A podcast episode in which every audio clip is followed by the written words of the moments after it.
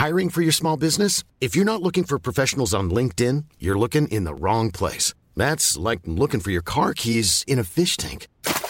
LinkedIn helps you hire professionals you can't find anywhere else, even those who aren't actively searching for a new job but might be open to the perfect role. In a given month, over 70% of LinkedIn users don't even visit other leading job sites. So start looking in the right place. With LinkedIn, you can hire professionals like a professional. Post your free job on linkedin.com slash people today.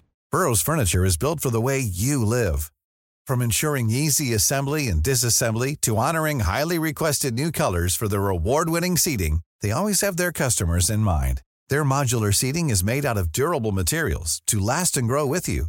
And with Burrow, you always get fast, free shipping. Get up to 60% off during Burrow's Memorial Day sale at burrow.com slash ACAST. That's burrow.com slash ACAST. burrow.com slash ACAST. Millions of people have lost weight with personalized plans from Noom, like Evan, who can't stand salads and still lost 50 pounds. Salads generally for most people are the easy button, right? For me, that wasn't an option. I never really was a salad guy. That's just not who I am. But Noom worked for me. Get your personalized plan today at Noom.com. Real Noom user compensated to provide their story. In four weeks, the typical Noom user can expect to lose one to two pounds per week. Individual results may vary. Företagskultur. En fråga om strategi. En bra företagskultur? Jättegärna, men det här kan väl HR ta hand om? Mm. Så kan det låta i ledningsrummen och bland chefer. Har de rätt eller har de fel? För även om företagskultur verkligen är på tapeten, eller är det på väggen vi säger att kulturen är? Ja, det blir ofta ett HR-projekt som tappas bort och inte leder till någonting i praktiken. Och med det tror vi att många missar hur affärskritisk företagskulturen faktiskt är. Och varför företagskultur inte är flum, det ska vi prata om idag.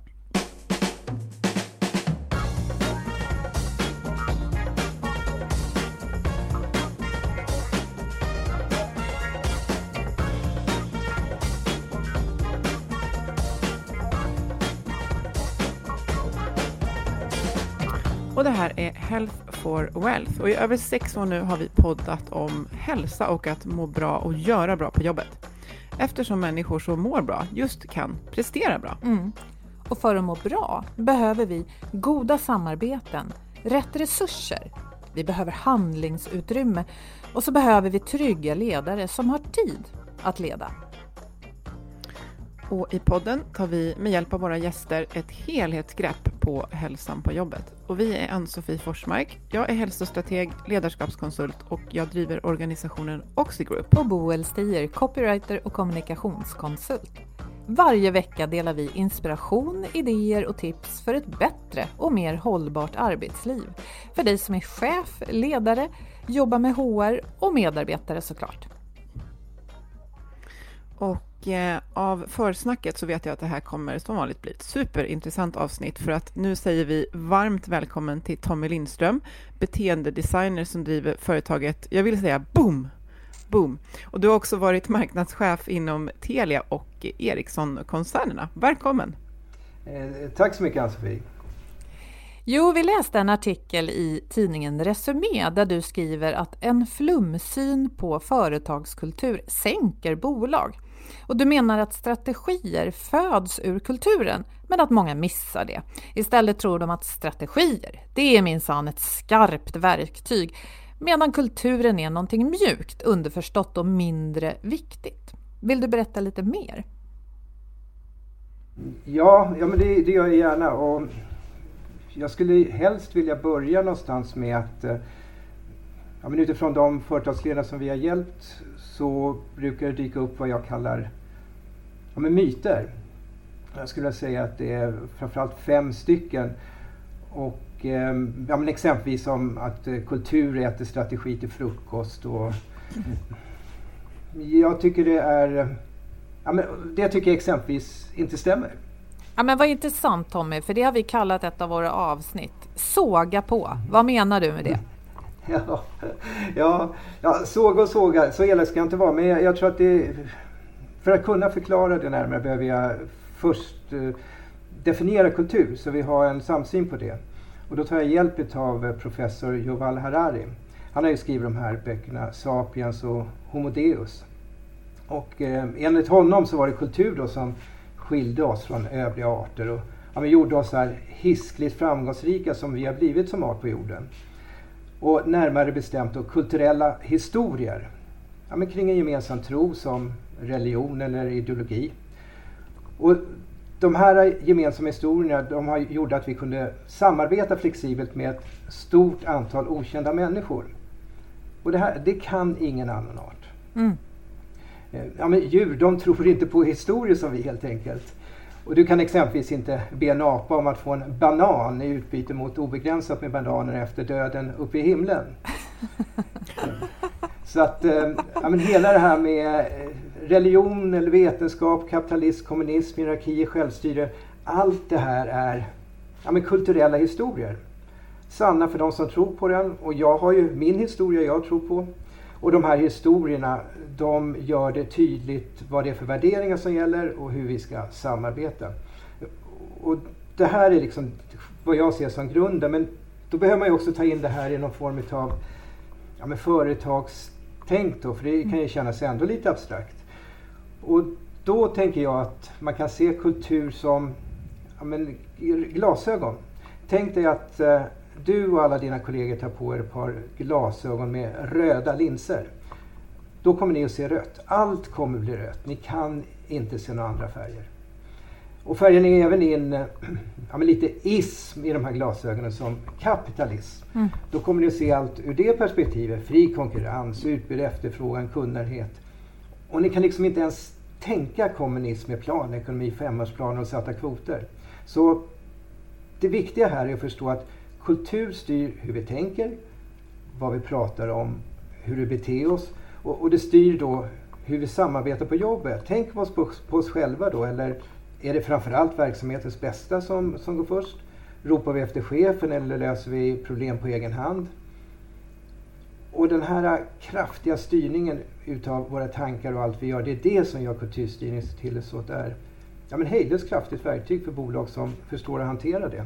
Men det, det... Nu, jag, jag tänkte koppla tillbaka till den där Ja, men kom tillbaka. Ja, Förlåt att jag bröt. Ja, nej, ingen fara. Jag tänkte just den där, där myten av kultur äter strategi till frukost. Mm.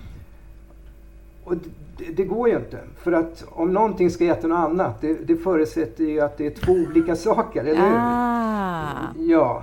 Och, eh, men strategin är ju sprungen ur den kultur som den skapades i. Skapades den i en ledningsgrupp som har, har röda glasögon, ja då är den ju rödfärgad. Mm.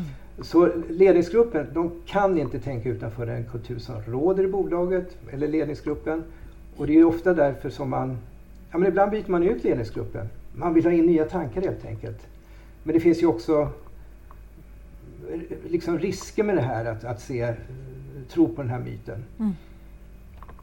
Men, men så som du beskriver det, jag, jag, tyckte verkligen om den här formuleringen. För att det ena ska kunna äta det andra måste de mm. vara två olika saker. Men du menar att kultur och strategi är två olika saker som styr hur vi handlar?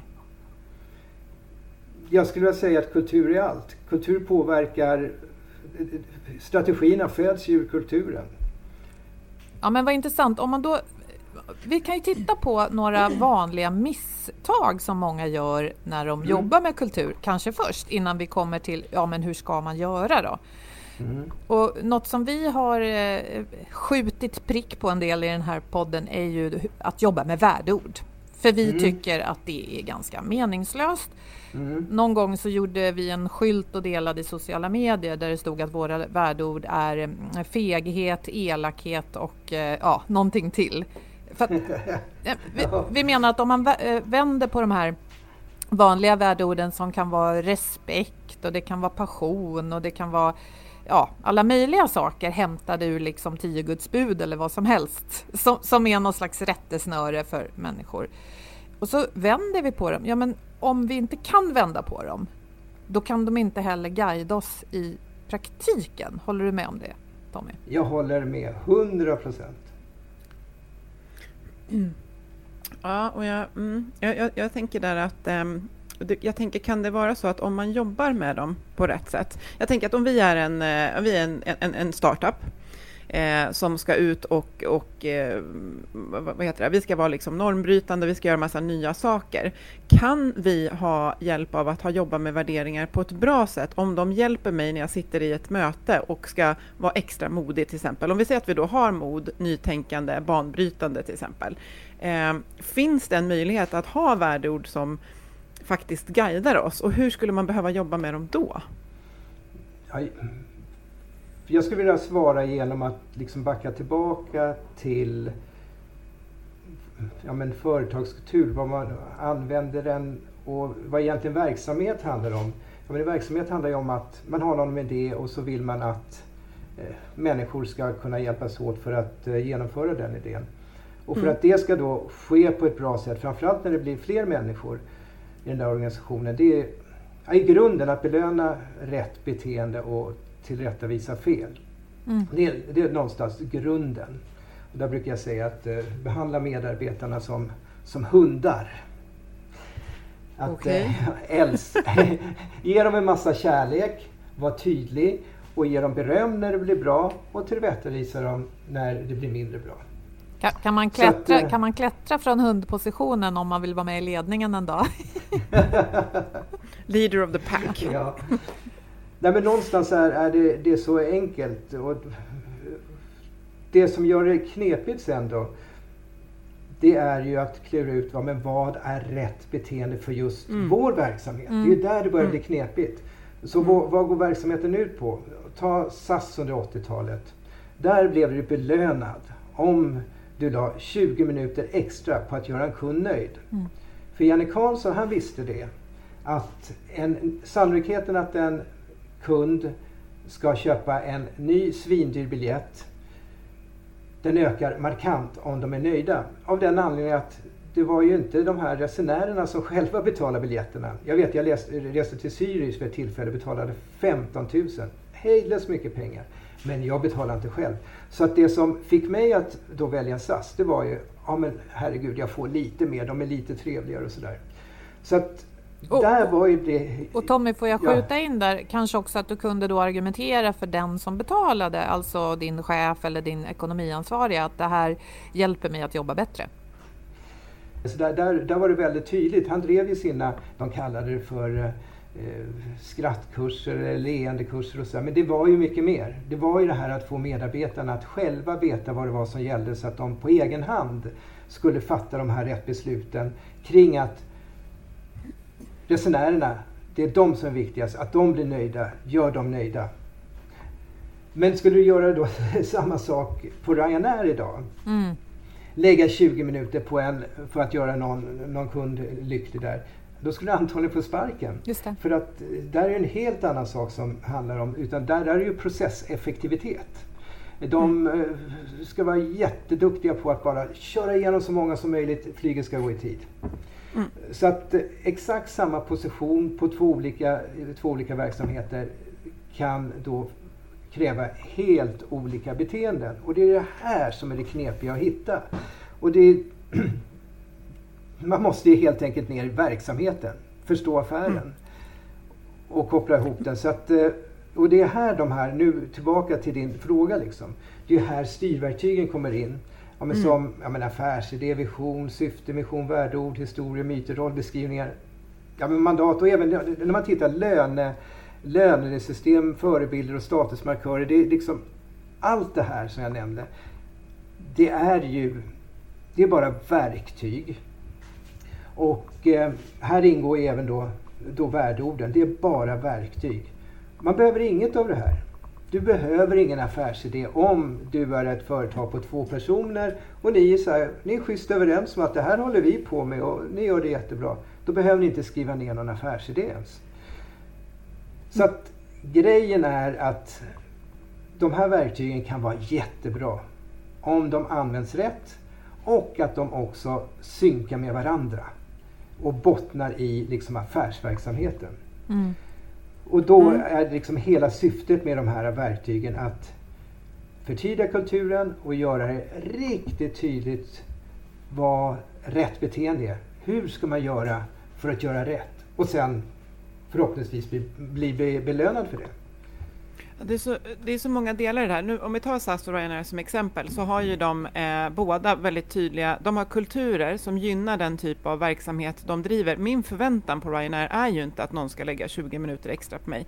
Men jag tänker att den här strukturen, alltså mitt, om jag har med mig, när det är mycket att göra, eh, så ska jag fortfarande ha en kultur av att hjälpa mina eh, resenärer när jag är på SAS lite extra. Jag tänker den här strukturen som de här 20 minuterna på ett sätt är, de hjälper ju mig att vårda den här kulturen. Alltså jag vet att jag kan lägga 20 minuter extra. Eh, det finns någon hotellkedja också mm. som har en liten extra peng hos varje medarbetare som de kan välja att spendera på olika gäster. Mm. Där förstärker ju strukturen den kultur som vi behöver. Och när du beskriver det så blir det ju så tydligt att du vänder ju på det på kuttingen och säger att ja, men alla de här sakerna vi har, våra lönekriterier till exempel, rollbeskrivningar, de är där för att förstärka med liksom struktur, den kultur som vi behöver ha för att nå vår liksom, verksamhetsmål på något sätt. Exakt så. Men sen tycker jag det är tydligt också att eh, det här med dilemman är en mycket, ett mycket bättre verktyg för att belysa eh, och synliggöra en kultur, antingen den vi inte vill ha eller den vi vill ha, än värdeord. För värdeord går inte att ifrågasätta. Så eh, jag läste en artikel, eh, du var i polemik med en känd byrå eh, häromsistens i Resumé, Tommy, och då sa du, ja men ni jobbar med snällhetskultur, sa du och riktade dig till den här byrån. men vad betyder det i praktiken? Eh, om en kund kommer och säger att de vill inte betala sin faktura, ska du då vara snäll mot kunden? Eller ska du vara snäll mot chefen? Eller ska du vara snäll mot samhället? Alltså, vi behöver ju guida varandra när vi hamnar i dilemman. För respektfulla och nytänkande, ja det vill vi väl alla vara lite hela tiden. Och det där kanske inte var en fråga, men vad säger du om dilemmat som verktyg här för att eh, både hitta den kultur vi faktiskt har och den vi skulle vilja ha? Jag tänker att eh, vi var inne på det tidigare, att de, det här är ju bara liksom verktyg för att hjälpa folk att göra rätt. Och det är oroande om det är som så att på min arbetsplats, då behöver jag hjälp för att vara hygglig mot andra det ska ju inte någon behöva säga till mig. Så alla de här att eh, visa respekt och vara snäll och så vidare. Ja, men det är väl klart. Det ingår ju liksom på något sätt att vara, vara människa på, eller anställd på ett företag och umgås med andra. Ja, fast får jag utmana där? Om vi har mm. en grupp säljare Mm. Vi är tio stycken och vi har tydligt satta mål i siffror, budgetar och vad vi ska göra inom ett visst tidsintervall, alltså hur mycket vi ska sälja för. Eh, och vi har också en metod som vi förväntas mm. hålla oss till. Och så får vi alla eh, dela på en bonus. Bonusen är eh, begränsad. Den som gör bäst, alltså säljer mest, får mest av den. Då kommer ju det leda till ett beteende där vi konkurrerar med varandra. Om vi istället säger att den här bonusen får alla lika mycket av om vi gemensamt har nått ett visst mål, ja då kommer vi vara mycket mer benägna att samarbeta. Så, så, ja, absolut. Mm. Så det finns... Jag, jag, ja. jag, tycker inte det är ett motsatsförhållande med det här att eh, eh, det står inte emot att eh, de kan ju för den sakens skull ha med sig hyfs och vett att eh, ja, men det är klart att man är schysst mot varandra. Men sen, det är klart, slänger du in ett styrverktyg, exempelvis som pengar, lön, bonus, det är ett otroligt kraftfullt styrverktyg. Eh, det, det är, och det är det som är det negativa med det. Det är så, så himla effektivt att det blir övereffektivt. Det hjälper liksom inte om, om VD står och säger att vi ska vara nära kunden, det är de som är viktigast för oss. Och så styr man säljarna på att eh, ja, ja, det, det är faktiskt sist, hur, hur många affärer du tagit hem den här månaden. Ja, men det är klart att man kommer kränga så mycket man kan. Så jag är med dig där. Och du berör också den viktiga saken. Det är att ja, men det är två olika styrverktyg. Styr på individuella så att, eh, liksom individuella mål eller styr på gemensamma. Det kommer skapa helt olika beteenden. Så det är styrverktygen snarare som eh, kan styra fel. Och här, du nämner då styrverktyg som är avgörande för verksamheten. De gör skillnad för verksamheten. Snällhet tycker inte jag gör någon skillnad för verksamheten.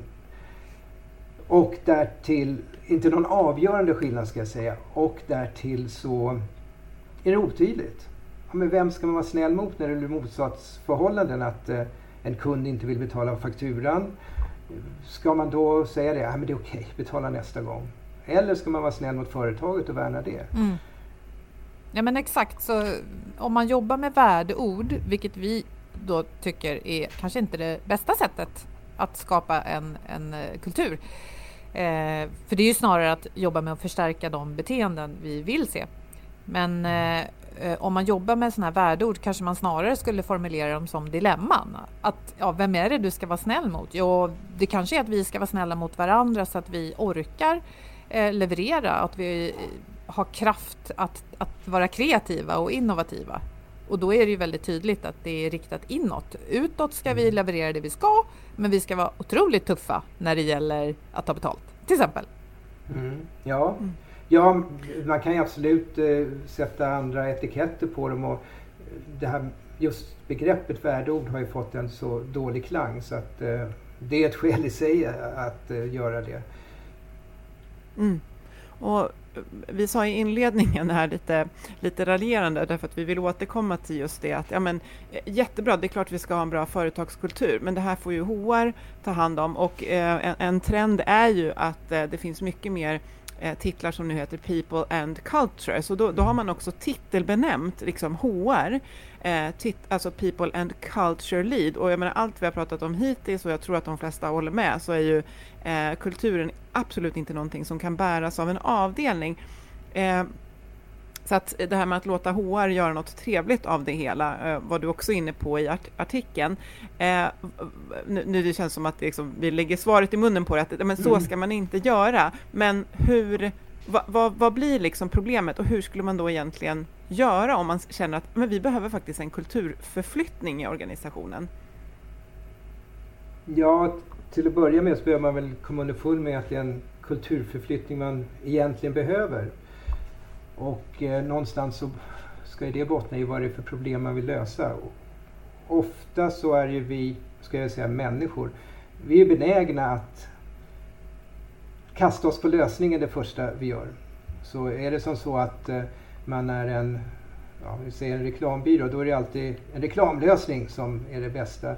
Är man en organisationskonsult, ja men då är det kanske kulturen man tar till. Så att eh, nummer ett klura ut, ja men vad är det för problem? Gräva ordentligt djupt i det. Det första man kommer få se det är troligtvis bara vad ska jag säga, symptom på ett underliggande problem. Men liksom förstå med, vilka drabbas på vilka sätt, när, hur, vad är affärsvärdet av det här? Och en, mm, liksom någon form av konsekvenskedja. Då brukar man hitta och därefter fundera på, okej, okay, är det här verkligen ett eh, är det här verkligen ett kulturproblem? Är det det? Visst, kultur handlar ju allt om mer eller mindre, men är det där vi ska gräva? Och då skulle jag vilja koppla tillbaka till det här att när man tänker att strategi äter kultur till frukost, mm. då och tänker att det är separata delar, då går man lite vilse kring det där och tror att alla problem med förändringar handlar om just den där krocken. Och det behöver det inte vara. Ja, men, låt mig ta ett exempel. Eh, ett företag som vi hjälpte, de, de mötte jättestort motstånd när de skulle digitalisera. Det blev bråk mellan avdelningar, liksom missnöje och ja, men, mycket tjafs liksom. Och de tänkte att jaha, vi har, nu har vi en sån här krock igen. Liksom vår strategi krockar med, med kulturen där. Men det vi upptäckte som var det egentligen centrala, det var att det handlade om att de ja, seniora medarbetarna, de hade tidigare haft riktigt hög status i verksamheten. Alla kom till dem och frågade. Och eh, nu så förlorar ju de statusen för helt plötsligt så skulle alla gå till de här ja, systemadministratörerna och det är inte konstigt då att man känner att eh, ja, fasen, det här är inte roligt längre. Mm. Man surnar ihop. Mm. Man har varit liksom kung och nu är det någon finne 18-åring, nu tar jag i lite grann, som, som sitter där och talar om vad man ska fylla i för saker här och där. Så plötsligt blev systemadministratörerna i någon mån ledare för den här digitaliseringen och det var inte så det var tänkt och där blev det knasigt, eller? Jag vill inte säga att de blev ledare för det, men för de, som, de här seniora medarbetarna som tidigare hade haft status så blev ju upplevelsen att ja, men de var inte relevanta längre. Utan nu skulle de snarare lyssna på de här eh, som de kanske upplevde sig som finniga tonåringar mm. som talade om för mig vad jag ska göra. Och hur löste ni det, eller hur jobbade ni med det? Jag, jag skulle vilja backa det så att som jag hade velat göra tror jag om jag hade varit den ledningen från början. Det, det är liksom att eh, jag vill tänka lite grann som en beteendedesigner. Att eh, till att börja med ta reda på varför de som man vill förändra, varför de gör som de gör och varför de känner som de känner på något sätt. Och i det här fallet, då kunde ju ledningen ha bjudit in dem redan innan de började tänka på att ta fram system utan ta in dem i diskussionen och säga att ja, den här digitaliseringen, alla företag går, liksom, det är den vägen vi alla ska vandra. Och nu vill vi ha er hjälp, för det är ni som faktiskt har kunskapen. Det är er kunskap som vi ska, ska jobba med. Det är det som kommer vara förutsättningarna för det här systemet. Och låta dem vara med och påverka och även höja deras kunskap under den här arbetet med systemet så att de på något sätt också är lite experter. Mm. Så att deras kunskap förblir relevant, de får behålla statusen och också att de har någon form av mandat vad det gäller det där systemet. Att de inte bara blir slavar under att fylla i någon app hit och dit utan att de får vara med. Mm. Då kommer de i större utsträckning uppleva sig mycket mer värdefulla och tycka att det är okej okay med den här förändringen. Just det, det mm. man brukar prata, eller vi som har pratat om OBM, Organizational Behavior Management, i flera avsnitt och då finns det de här förändringens fyra F och då börjar man ju med mm. färdriktning. Mm. Att faktiskt prata om varför en förändring eller förbättring mm. Är angelägen och vad, den, liksom, vad vi önskar att den ska leda till. Och har man missat det steget Tommy, sitter man liksom fast i en dålig sits då? Det, alltså, eller hur kan man, det verkar svårt att backa från det här. Nej, det, det, går väl alltid att klura ut. Det är väl alltid bra att få insikter även om det senaste laget. Mm. Det, det, det, det, det är jättevärdefullt. Och bara, jaha, nu. Eller det kan vara att färdriktningen förändras under resans gång. Det vet man inte. Mm. Men det här att förstå varför folk gör som de gör och vad, hur de känner inför saker och ting. Det är, det är ännu viktigare. Mm. För att det kommer kanske påverka färdriktningen. Ehm, jag tänker på att man, man, eh, man kan beskriva kultur som liksom summan av, av de beteenden som vi, som vi utför. Alltså om jag kommer in så är det, jag kan ju inte se på dig vilken kultur, men jag kan ju höra om jag hör vad som görs och sägs. Kan, vi, kan, det, kan du liksom hålla med om det, att det är, det är summan av de beteenden som faktiskt görs? Det kan stå vara snäll, vara modig, eh, men om det inte är så vi är, då är inte det den kulturen vi har, utan det är så som vi beter oss mot varandra. Ja, det, jag tycker att det är en del av det man bör tänka på när man jobbar med kultur. Men även det här, jag var inne på Yuval Harari i början, mm. att eh, ja, men vad är kultur egentligen? Jo, men det är ju någon form av historia, någonting vi tror på. Så mm. den är ju oerhört viktig att förstå. Vad är det för historia som gäller här? För i mm. historien mm. så ligger våra värderingar. Och det är det som styr de här beteendena som du nämner. Och så mm. finns det också ett tredje element. Det är, jag ska säga uttryck. Det är exempelvis, ja, men, hur ser man att någon har status här? Är det den som har längst mm. hår eller störst kontor? Eh, vilket språk använder man? När, vad firar man? När firar man? Ja, men alla de här sakerna, uttryck. Så att får ihop Men det är också de beteenden där du beskriver, tänker jag. Att det är ju hur, hur vi firar är beteenden, men, men sen också sånt som är mer statiskt. Liksom att Eh, ja, jag har långt hår till exempel, vilket i och för sig ja, typ av beteende för att, för att, för att få det. Mm. Men lite det här med att vi, det är saker vi gör, men där under så ligger ju, jag kan ju anpassa mig till exempel och bete mig på ett sätt, men om jag inte skriver under på den historien och de värderingarna, det kommer ju skava enormt invärtes.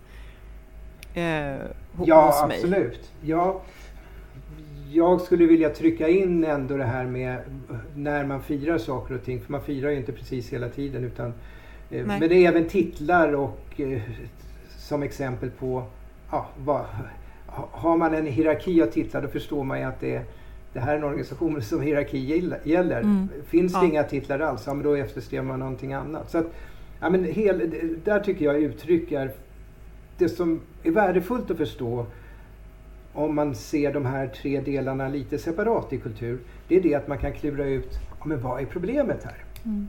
Mm. Är problemet att ja, men, folk blir upprörda på det här kontoret för att vi har ett gäng unga killar som kommer in i, eh, i skinnvästar och eh, ser ut som att de är farliga.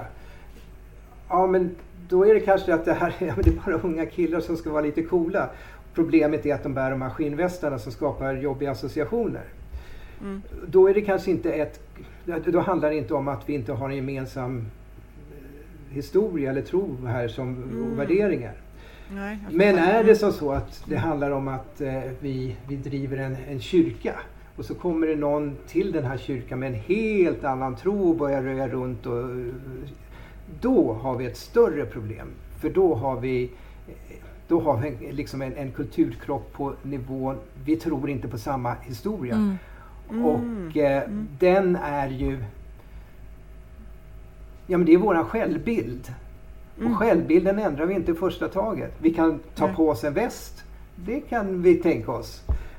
Men att ändra självbilden och värderingarna och den här gemensamma historien, det är mycket svårare. Så det är ett sätt att faktiskt eh, ja, få en förståelse för ja, men var kan problematiken finnas.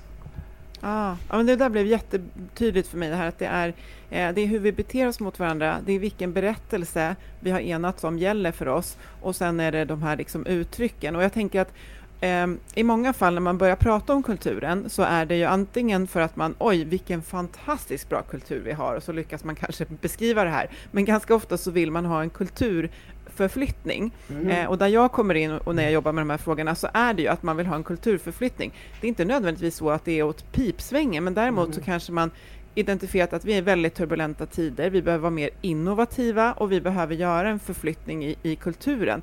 Hur hänger det här ihop med alltså, kulturstyrning? Hur går, hur, hur går det till? Ja, jag svarade ju inte fullt ut på den frågan innan och eh, Nej, du fortsätter men, så men, kan men, du men, jag, men, men jag tänker ändå att ja, men man måste förstå problemet. Vad, vad, vad är problemet? Ja. Okej, säg att vi, men vi upplever att vi, eh, vi har inte den, den kulturen som vi vill ha. Ja, då behöver man ju då klura ut vad, vad vill vi ha för kultur. Och mm. sen mm. titta på hur ser vår kultur ut idag och se diskrepansen däremellan.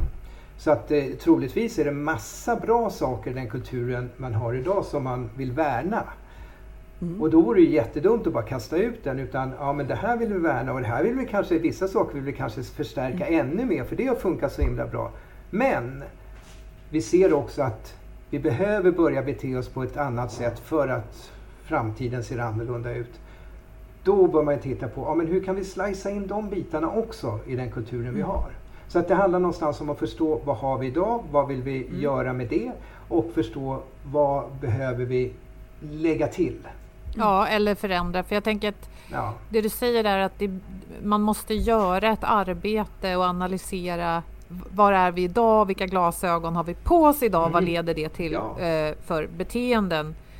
Eh, du sa att vi hoppar alldeles för snabbt på lösningen och då kan man ju se ett sådant skräckscenario som att kanske en ledning upplever att här har vi gjort en jättebra strategi men folk gör inte som vi har tänkt. Mm. Och då, då tar vi in HR och så skapar vi en kick-off och så lanserar vi några värdeord. Och i och med att det då står innovation överallt tapetserat på väggarna, japp, nu ska vi bli innovativa. Mm. Men, men eh, det du säger är nej, vi behöver stanna upp, inte hoppa på lösningen, eh, utan att istället analysera.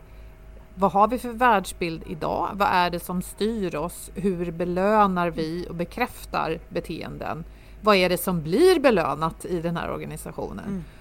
Och därefter se hur vi då kan styra eh, beteende. För det är det du säger, att kulturstyrning är ju att styra beteenden, eller hur? Ja, för det är beteenden som skapar och löser allt. Utan Mm. beteende så har vi liksom inte människan. Mm. Det är, vi är ju våra beteenden. Jag, Mm. jag tänker att jag började nämna de här fyra F för förändring. Vi kan väl eh, nämna de övriga tre som jag inte nämnde. För färdriktningen innebär ju då att man behöver se till att alla har mål och vision klara för sig. Så alla förstår vad som händer och varför.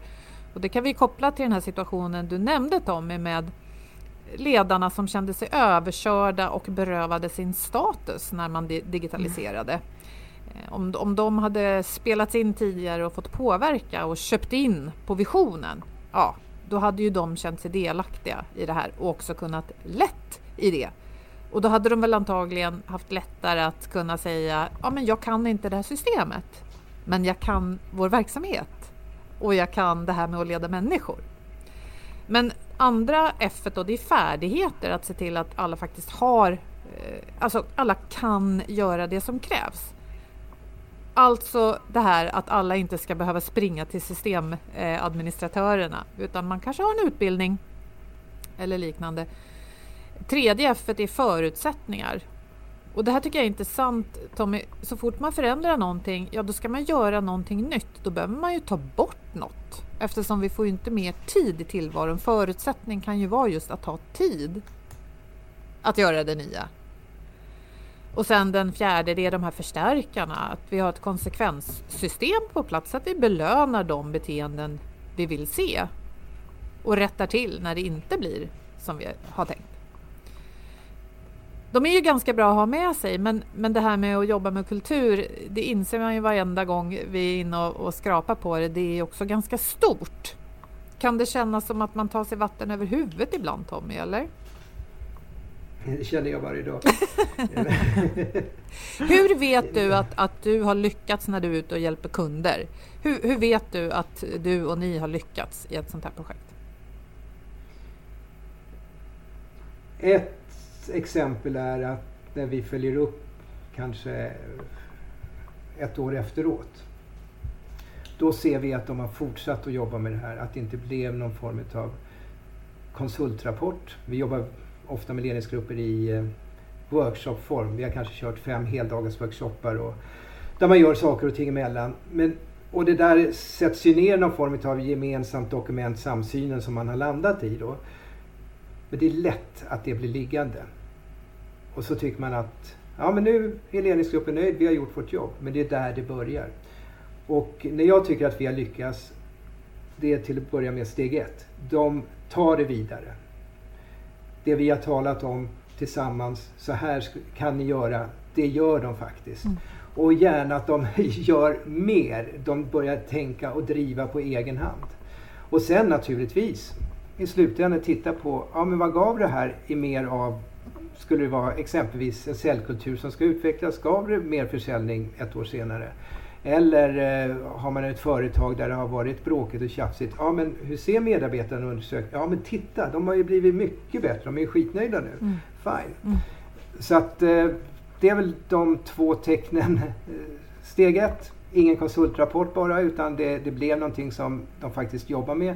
Steg två, okej, gav det ett mätbart resultat utav eh, den förbättring vi ville se. Mm.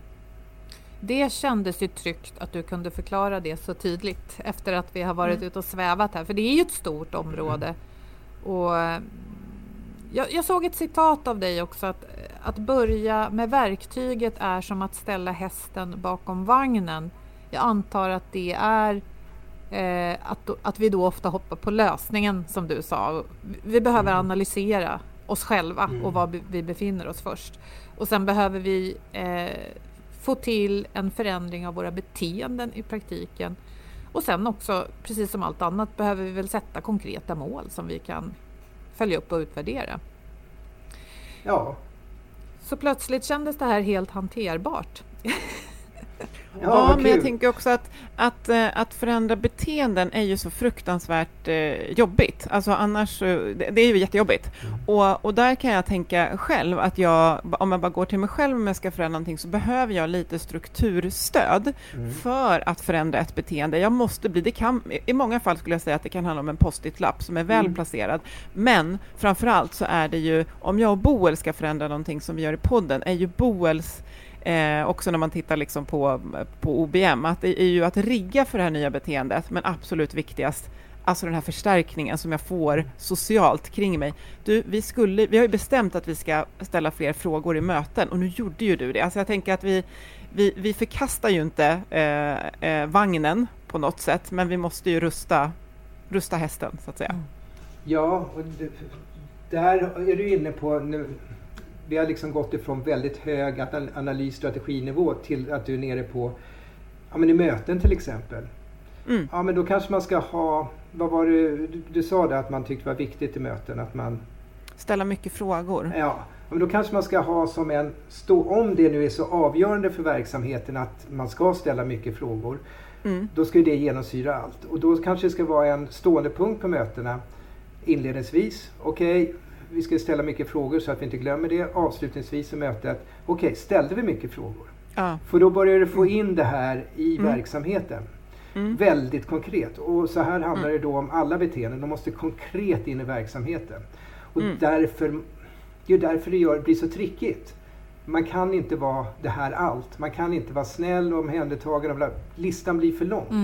Mm. Man måste klara av att välja bort det som, nej men det där klarar faktiskt medarbetarna av ändå. De klarar av att vara schyssta mot varandra och visa respekt. Men de här grejerna är så avgörande för att vi ska nå framgång i vår verksamhet att det måste vi verkligen trycka på. Mm. Från hög strateginivå ner till, som du säger, möten och rollbeskrivningar. Ja, men mm. det är ju jättebra att välja jättebra. bort. Mm. För vi kan inte göra allt. Vi, mm. eh, dygnet har bara 24 timmar att fokusera. Mm. Och att det här med att ställa fler frågor, om vi tycker att det kanske är det som gör att vi blir mer innovativa. Vi ifrågasätter, ja, vi borrar vidare. Ja. Mm. Att det då mm. står i våra mötesdokument. Så att ingen kan precis. förhandla bort det. Ja. Nej, det blir strukturen, stötta kulturen. Och jag tänker också att ibland kan det vara en lång lista, men jag vet ju till exempel att om jag ska ställa, alltså jag tänker också på tillbaka till någonting som hälsa till exempel, vad är en, om jag behöver förändra allting så brukar det vara så här att ja, börjar jag med sömnen så kommer det liksom i sin tur ge kraft. Om jag börjar ställa mycket frågor då kommer Boel märka att jag är intresserad av henne. Hon kommer kanske uppleva mig som snällare och mer, alltså psykologiskt eh, trygghet ökar organisationen. Att liksom titta, vad händer om vi börjar med det här? Vad händer om vi börjar med det här? Så att det inte blir övermäktigt om vi ser att det är mycket vi behöver förändra. Mm. Mm. Ja, det, det, är super. Eh, vi har varit eh, abstrakta och konkreta tycker jag idag. Mm. Jag skulle vilja lägga till en grej kring förändring. Får jag det? Ja. Mm. Kör. Ja, för det är ju så här att många förändringar leder faktiskt till försämringar. Det går inte att sticka under stol med det. Det är liksom dåliga tider och så vidare. Och då gäller det att ledningen är öppen med det här och inte hymlar. För det skapar bara spekulationer och missnöje kring det. Och så hjälper det otroligt mycket om ledningen då kan gå i främsta ledet och ta liksom sin del av smällen. Ja, men istället för att göra som ja, men jag läste på flygtorget.se och det här var under pandemin. Och där stod det att eh, Petter Stordalens bolag Sun, Sun Airlines de hade fått anställda gå med på att sänka lönerna med 20 procent. Och det var, ja, men det var jättebra. Det kanske krävdes för företagets överlevnad under de här svåra tiderna. Men det som fick mig att liksom höja på ögonbrynen, det var liksom stycket där det stod förhandlingar pågår i nuläget om att också ledningen ska ta en motsvarande lönesänkning. Oj! Mm. Det ska ja, inte ens behöva då, förhandlas om. nej, och då, och, då, och då är det ju faktiskt väldigt svårt att behålla solidaritet i företaget ja. och en god stämning mellan medarbetarna. Så att, hur ledningen agerar, de mm. måste vara förebilder. Mm. Ja, Absolut. bra sagt. Och ledningen och alla dessa mer eller mindre medvetna informella ledare, tänker jag, ute i organisationen. Om, inte, om Boel liksom är den här eh, tuppen i gänget och hon inte gör det vi har sagt, då kommer det ju liksom påverka mycket. Mm. Ja, super, vilket, uh, vilket konkret exempel som verkligen, ja. Ja, Tack så jättemycket Tommy. Det känns som att vi, eh, som vanligt, och det brukar vara ett kvitto på ett bra samtal när vi känner att oh, det finns så mycket mer att, att, att prata om. Men det känns som att vi har berört mycket, både vitt och brett och, och högt och lågt vad gäller kultur. Ja. ja, men det tycker jag med. Jag tycker det var jättespännande. Även om jag har ett, ett gäng fler myter på min lista. Men det får vi ta en annan gång. Ja, så är det. Ja, så är det. Välja och välja bort. Jättefint samtal och eh, jag tycker också att eh, vi har väl kommit fram till, apropå den inledande frågan vi ställde, bu eller bä. Eh, absolut bä för företagskultur. Men eh, vi ska vara medvetna om att det inte är helt enkelt. Och i och med det så kanske vi förhoppningsvis kommer bort från plattityder och, och meningslösa värdeord på väggarna och att ledningsgrupper och andra i organisationen börjar på en äkta reflektion, för det är det som brukar ge verklig förändring. Mm. Tack eh, för det här samtalet. Vår samarbetspartner Motivation.se har många intressanta artiklar om just företagskultur. Idag, eh, eller den här veckan, har vi valt en som handlar om att kulturen alltid vinner över strategin. Och här får vi väl smälla ja, motivation på fingrarna och säga tänk om, det är samma sak. Hur som helst är artikeln intressant. Eh, det finns ett exempel där från den amerikanska skokedjan Zappos som är kända om man är intresserad av företagskultur. Vi länkar till den här artikeln från inlägget som du har i din poddapp. Mm. Och jag gillar att avsluta med Seth Godins citat om, om kultur. People like us do things like this. Vare sig man tycker att det är rätt eller inte. Och med det så tackar vi Tommy och vi tackar våra samarbetspartners Motivation.se och som alltid Agda Media för den här produktionen. Prata jättegärna kultur med oss på LinkedIn. Kommentera gärna våra inlägg där och så hoppas vi att ni lyssnar inom en vecka igen. Må så gott!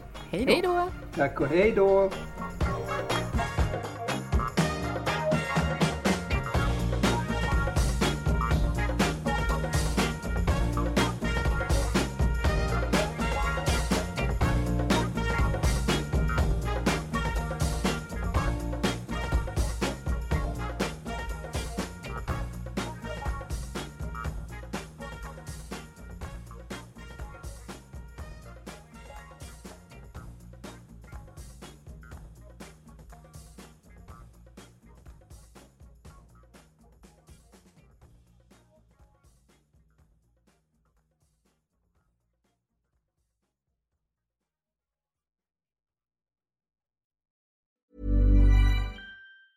Hi, I'm Daniel, founder of Pretty Litter. Did you know cats tend to hide symptoms of sickness and pain? I learned this the hard way after losing my cat, Gingy. So I created Pretty Litter, a health monitoring litter that helps detect early signs of illness by changing colors, saving you money and potentially your cat's life. Pretty Litter is veterinarian developed, and it's the easiest way to keep tabs on your fur baby's health right at home. Go to prettylitter.com and use code ACAST for 20% off your first order and a free cat toy. Terms and conditions apply. See site for details. Mom deserves the best, and there's no better place to shop for Mother's Day than Whole Foods Market. They're your destination for unbeatable savings, from premium gifts to show-stopping flowers and irresistible desserts. Start by saving 33% with Prime on all body care and candles. Then get a 15-stem bunch of tulips for just $9.99 each with Prime. Round out Mom's menu with festive rosé, irresistible berry chantilly cake, and more special treats. Come celebrate Mother's Day at Whole Foods Market.